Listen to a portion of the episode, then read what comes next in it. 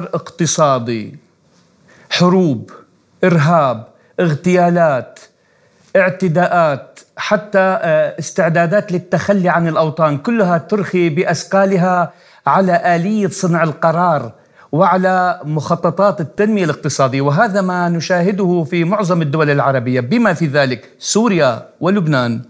يعني انهيار للعملات الوطنية في الآونة الأخيرة في عدة دول عربية وأفريقية منها لبنان وسوريا ومصر والعراق. هو موضوع حلقة اليوم من أرب بوينت بودكاست معي أنا نغم كباس وأنا محمد جمعة. أهلا بكم.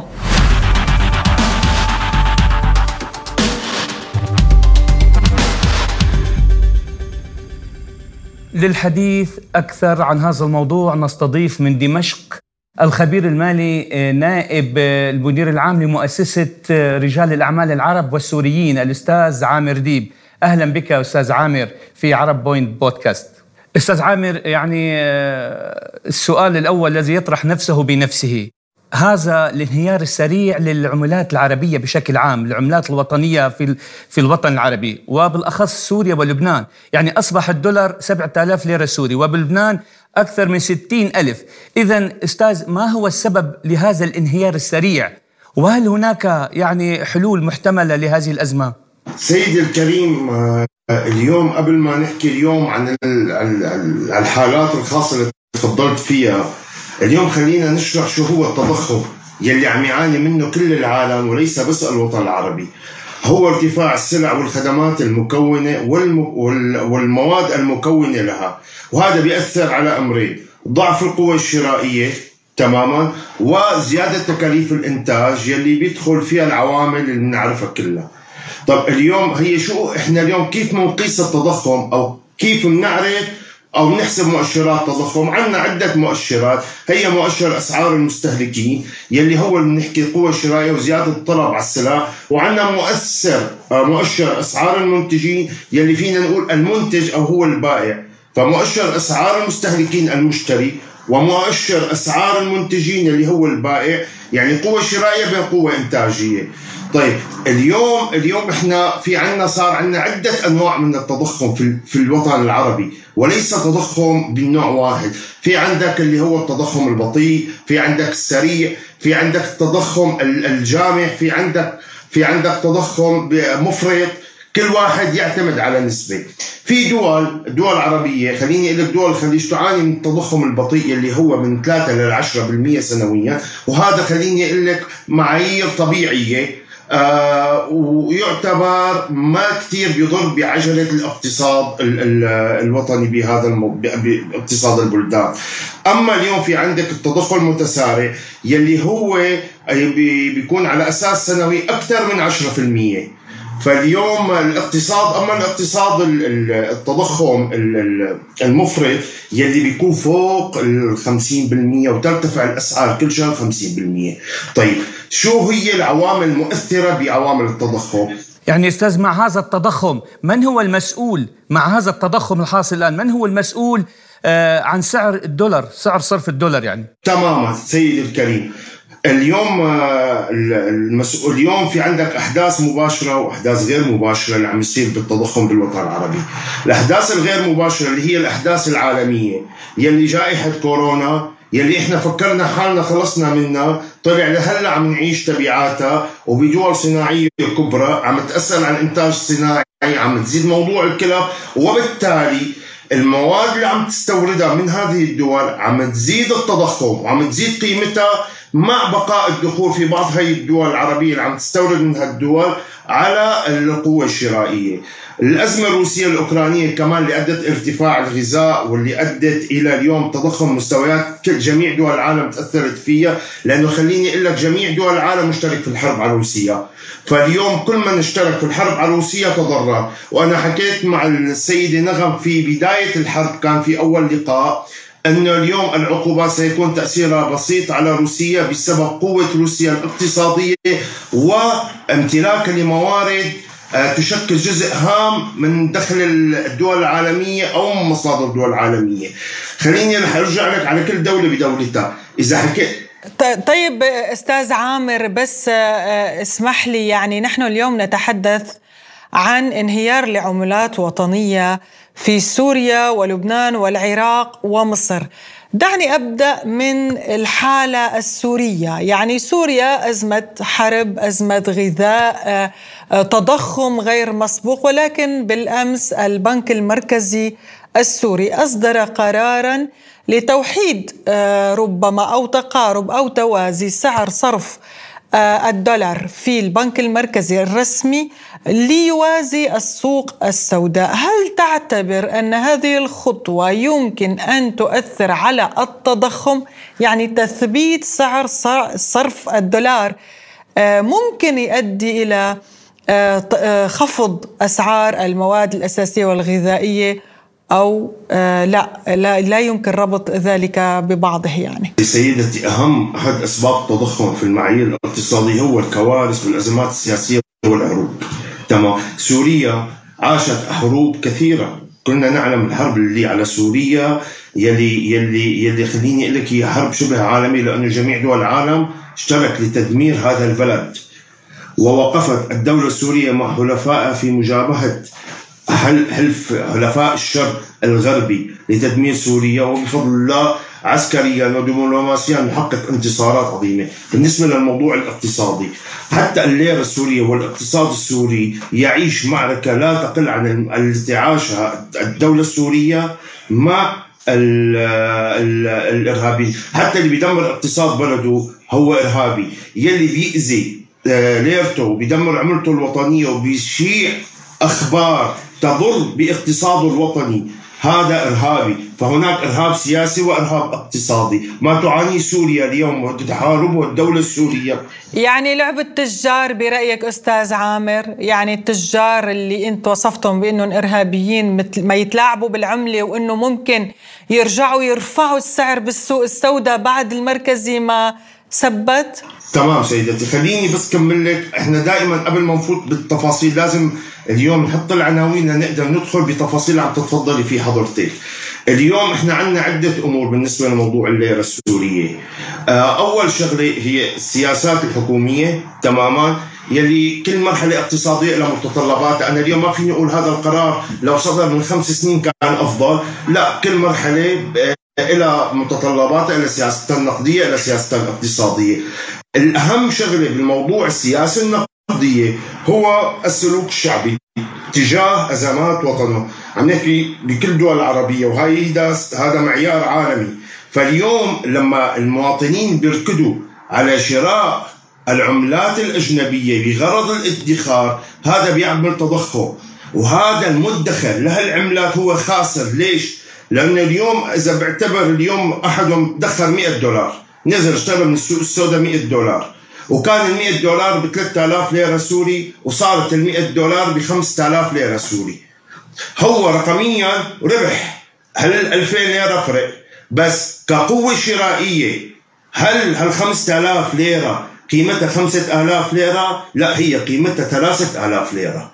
لأنه اليوم سلة العملات وارتفاع أسعار الصرف تخلق موجات تضخم تنعكس على الأسعار ومثل ما قلت لك التضخم نوعين أسعار مستهلكين وأسعار منتجين. فالاثنين اليوم بيعانوا هذا الموضوع.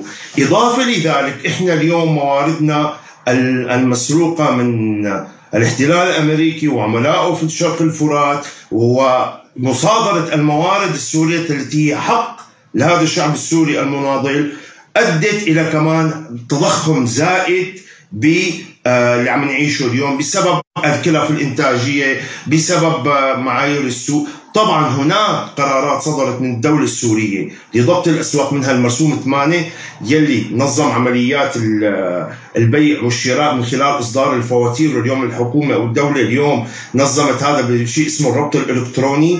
آه خليني أقول لك اليوم آه التجار بعض التجار احتكروا واستفادوا من الأزمات.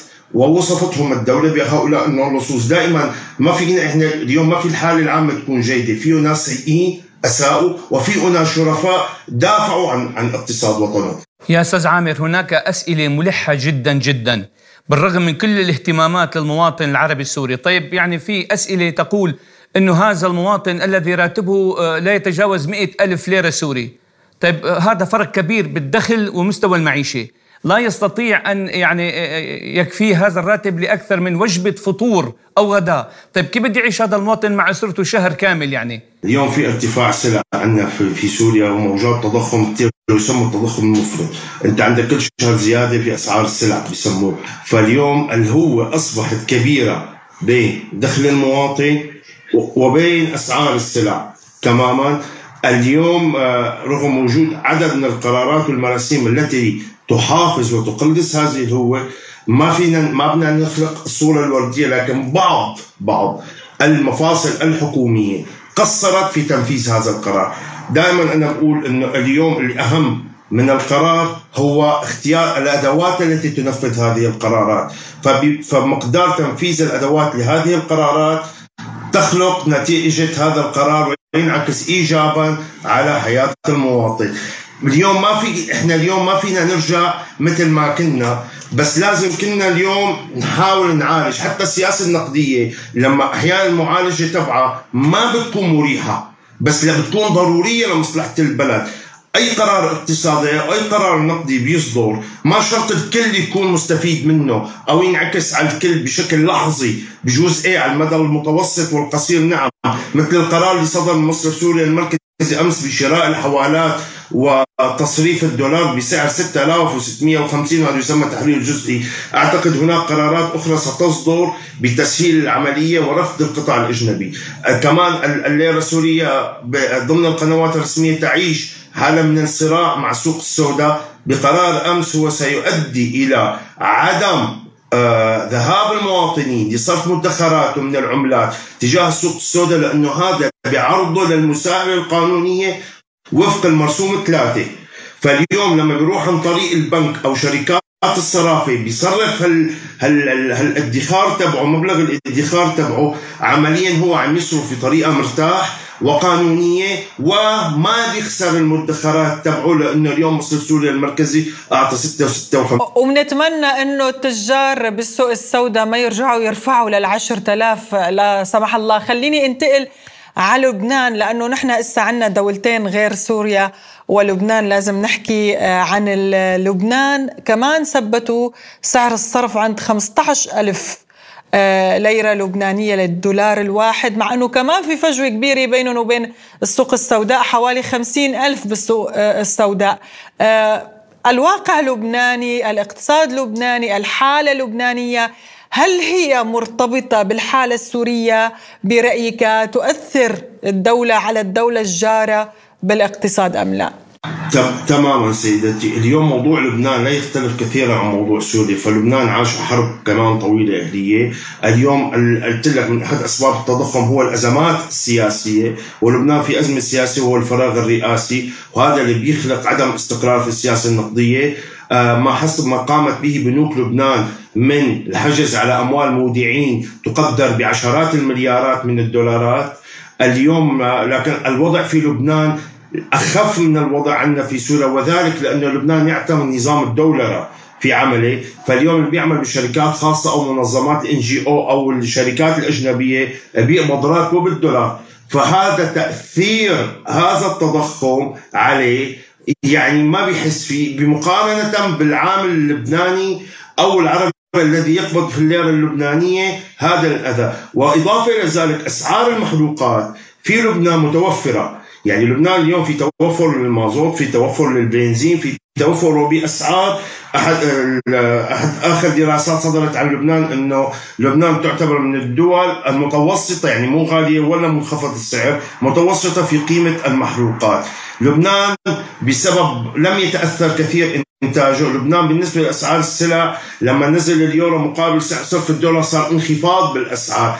فلبنان مرتبط بالاقتصاد العالمي بشكل كبير فهو قادر على المرونة بموضوع التضخم موضوع سعر الصرف. مثل ما قلت لك هو أزمة سياسية بسبب الفراغ السياسي بموضوع رئاسة الجمهورية في لبنان وفي آه، موضوع الأزمة السياسية. يعني بما أن لبنان وسوريا يواجهان تحديات اقتصادية واحدة برأيك أستاذ هل سيكون يعني مواجهة هذه التحديات نفسها ذاتها بما أن التحديات الاقتصادية واحدة هل سيكون مواجهة واحدة أيضا؟ سيدي الكريم مواجهة التحديات مثل ما قلت لك نحن اليوم نعيش كبلدين سوريا حتى في العراق متأثر كمان بال...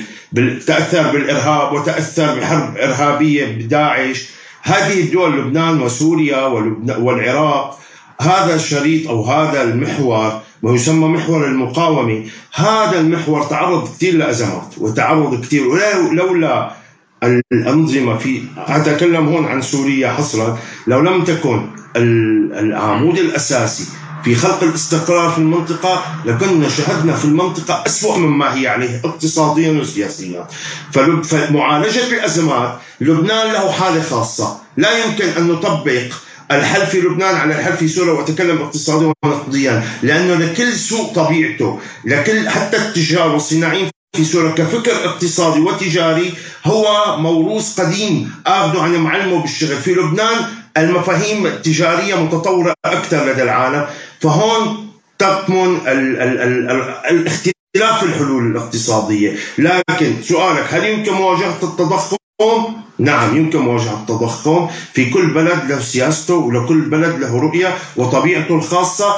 تخلق الحلول من ضمن هذه الطبيعة الاقتصادية ومن أزماته نعم ولنكون أكثر تفاؤلا. سمعنا أخيرا أن لبنان وقع اتفاقية مع مجموعة شركات أوروبية بخصوص تنقيب عن البترول والنفط وإنتاجهما في المياه الإقليمية للبنان. برأيك أستاذ هل هذا سيحسن من الوضع الاقتصادي في لبنان؟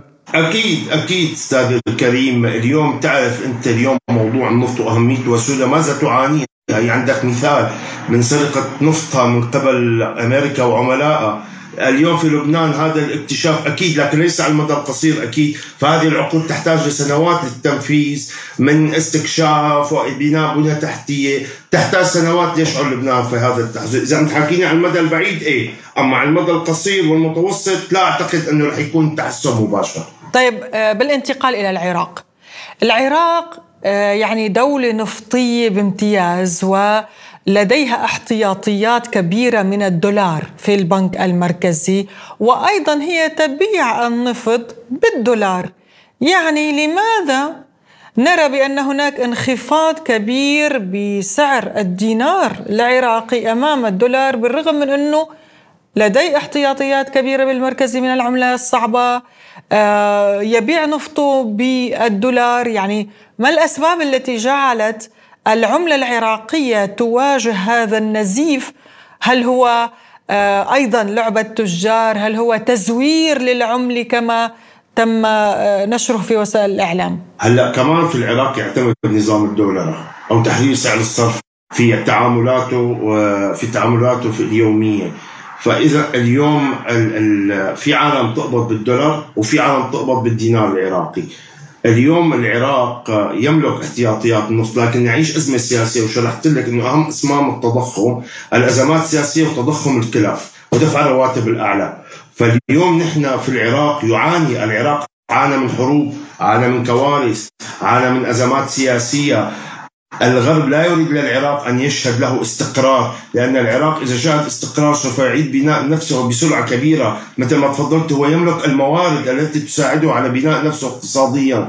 لكن اليوم تدخل الأطراف بشكل تعدد الأطراف في العراق يؤدي إلى تأخر النمو الاقتصادي وبالتالي يؤدي إلى هزات في سعر الصرف وزيادة بيان التضخم. مع انه العراق الفترات الماضية حافظ على استقرار سعر الصرف لكن يبدو هذا ما يحدث من هزات في سعر الصرف. لهذه المنطقة هو آه، له ارتباط بالأسباب العالمية التي يعيشها العالم. وبنفس الوقت مثل ما قلت لك الأزمات السياسية وغياب الاستراتيجيات في حل في في الحلول في أعتقد في العراق المواجهات. رغم أنه العراق دولة منتجة للنفط يملك زراعة يملك آه، الموارد الطبيعية القوية التي تساعده على النهوض. أعتقد أن هذا ما يحدث في العراق مؤقتا وسوف يعود الدينار العراقي إلى مستويات جيدة إن شاء الله.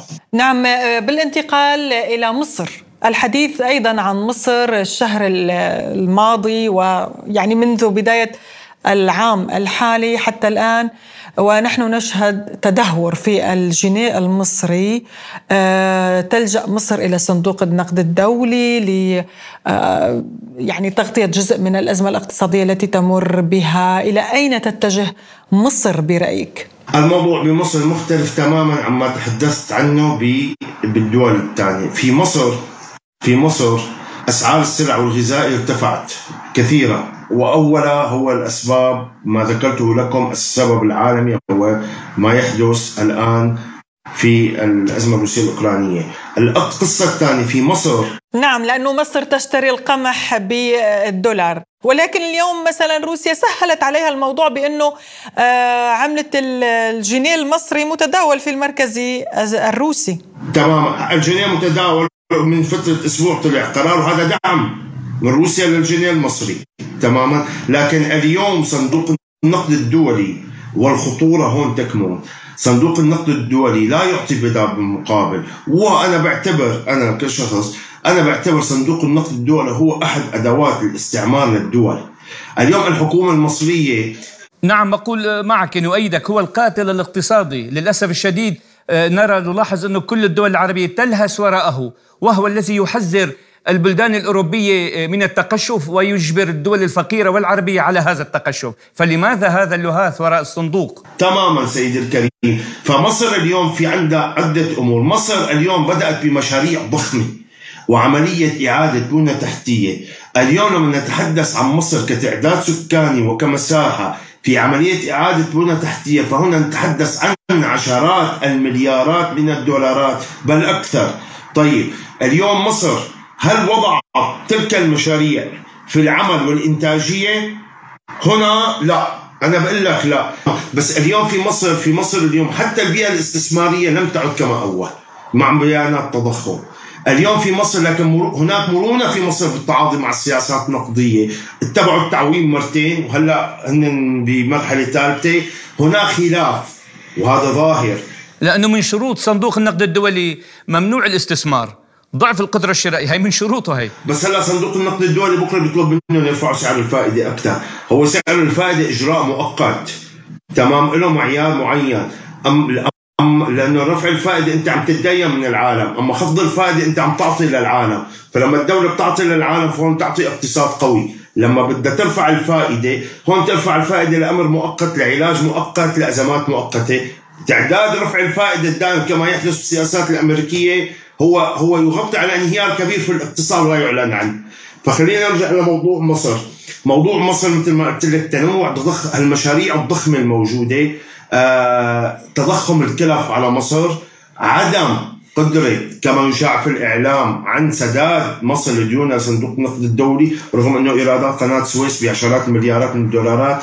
آه الخلاف هناك خلاف خليجي مصري. تعرف الدول الخليجية داعمة لمصر في عملية التنموية. لكن أعتقد أن هذا الدعم والتمويل قد توقع ونسمع أخبار من خلال وكالات أنباء عالمية كثير. كل هذا يخلق أزمة سياسية عالمية أو عربية بين دولة مصر وهذه الدول. بس أنا بعتقد أنه مصر أنه مصر عندها فترة لحتى تخرج من النفق الاقتصادي. مصر مفتوحة على العالم يعني فيها اشتراك فيها تصدير فيها حركة إنتاجية فيها قوة شرائية فيها قوة شرائية بفئة خليني أقول لك 30 40% طبعا اليوم أنت كل ما عندك تعداد سكاني ضخم كمان هذا بيشكل كاهل على الاقتصاد. يعني اليوم موارد مصر بتكفي مثلا ل 50 مليون عدد السكان 90 مليون. إجباري بده يصير عندك هذا التضخم.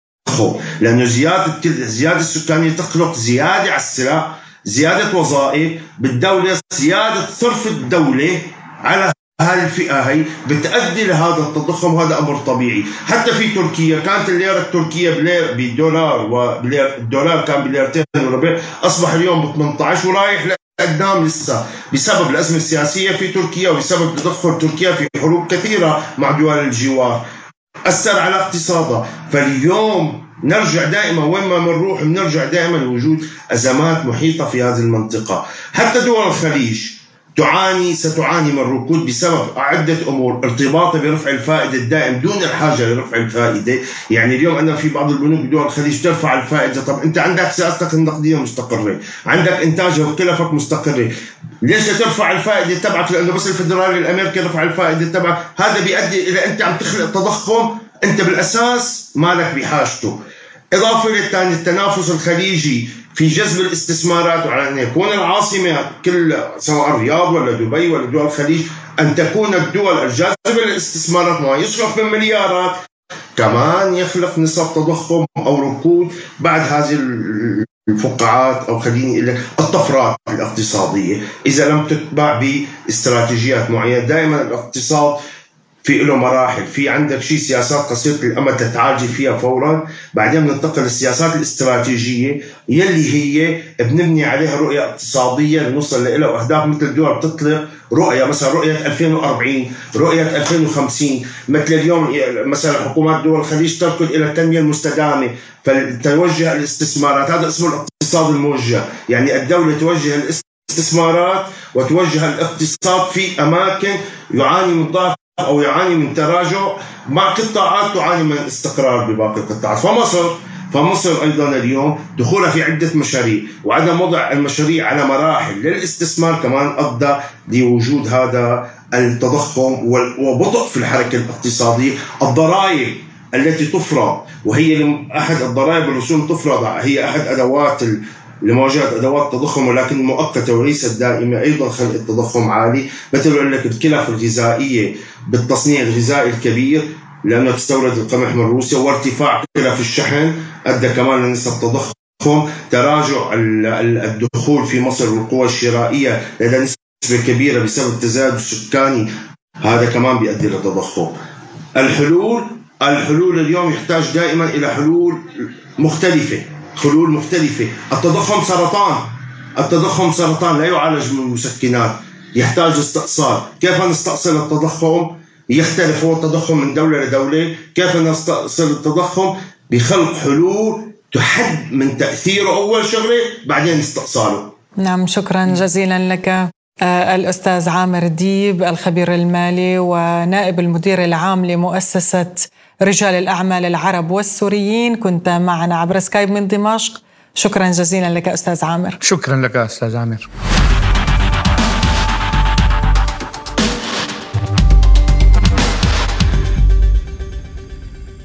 يعني فعلا هذا الموضوع يثير كل أنواع الأسى والإحباط واليأس.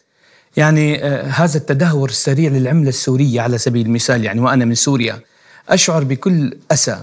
آه، نغم من منا لم يرتبط الفرنك والفرنكين والربع ليرة والنص ليرة والليرة بذاكرته بوجدانه بتاريخه.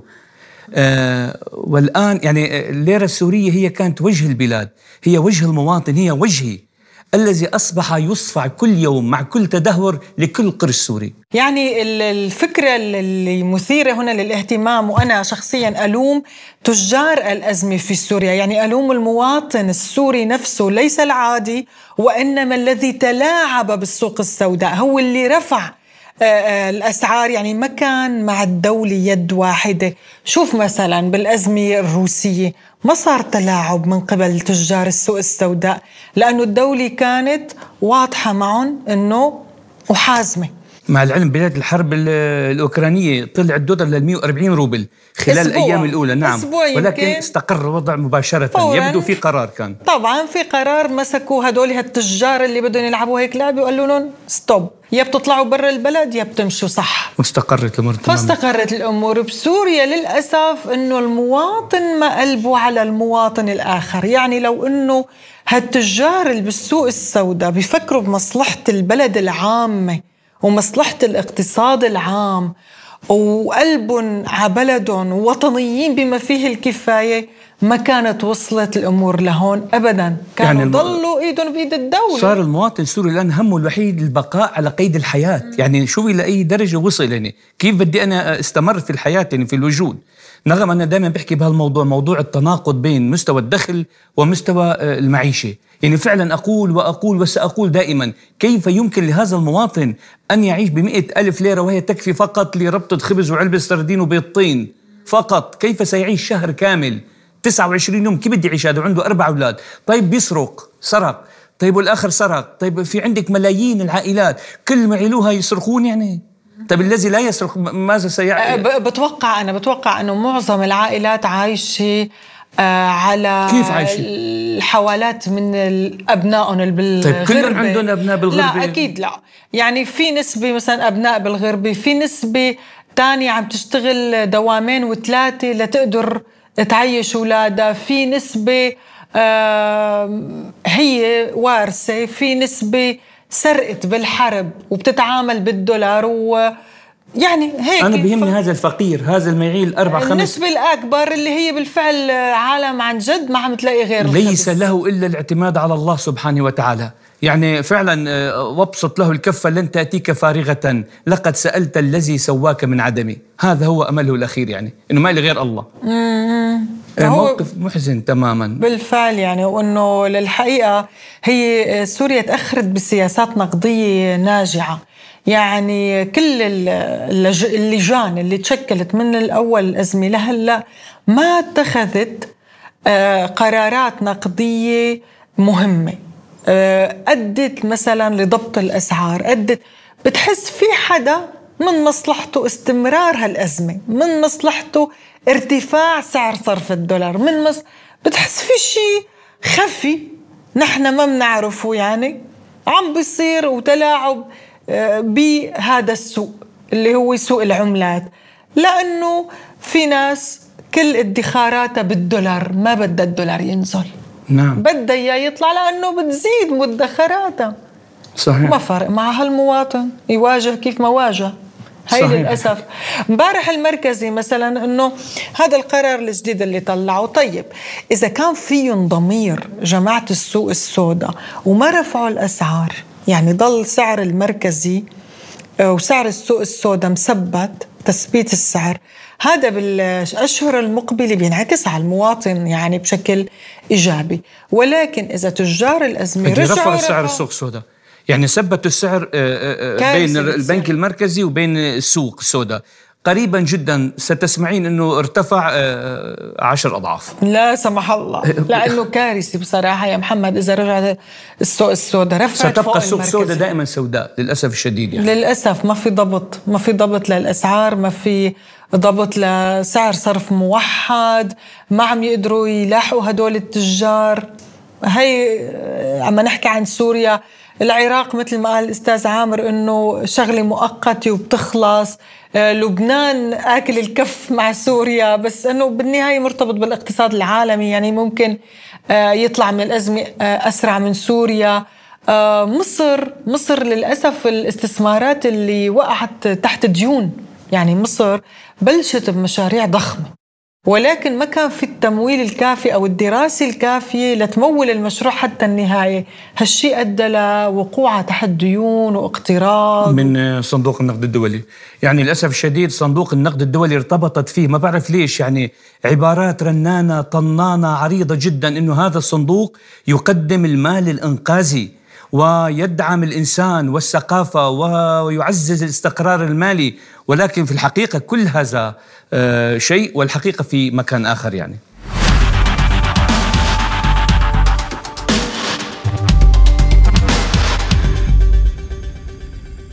كانت هذه حلقة اليوم من Arab Point Podcast قدمناها لكم أنا نغم كباس. وأنا محمد جمعة. شكرا لكم وتابعونا على بودكاست. ويوتيوب وفيسبوك. وأيضا تويتر. لا تنسوا اشتراك بالقناة وأيضا آه، اكتبوا لنا في التعليقات. شكرا لكم وإلى اللقاء دائما.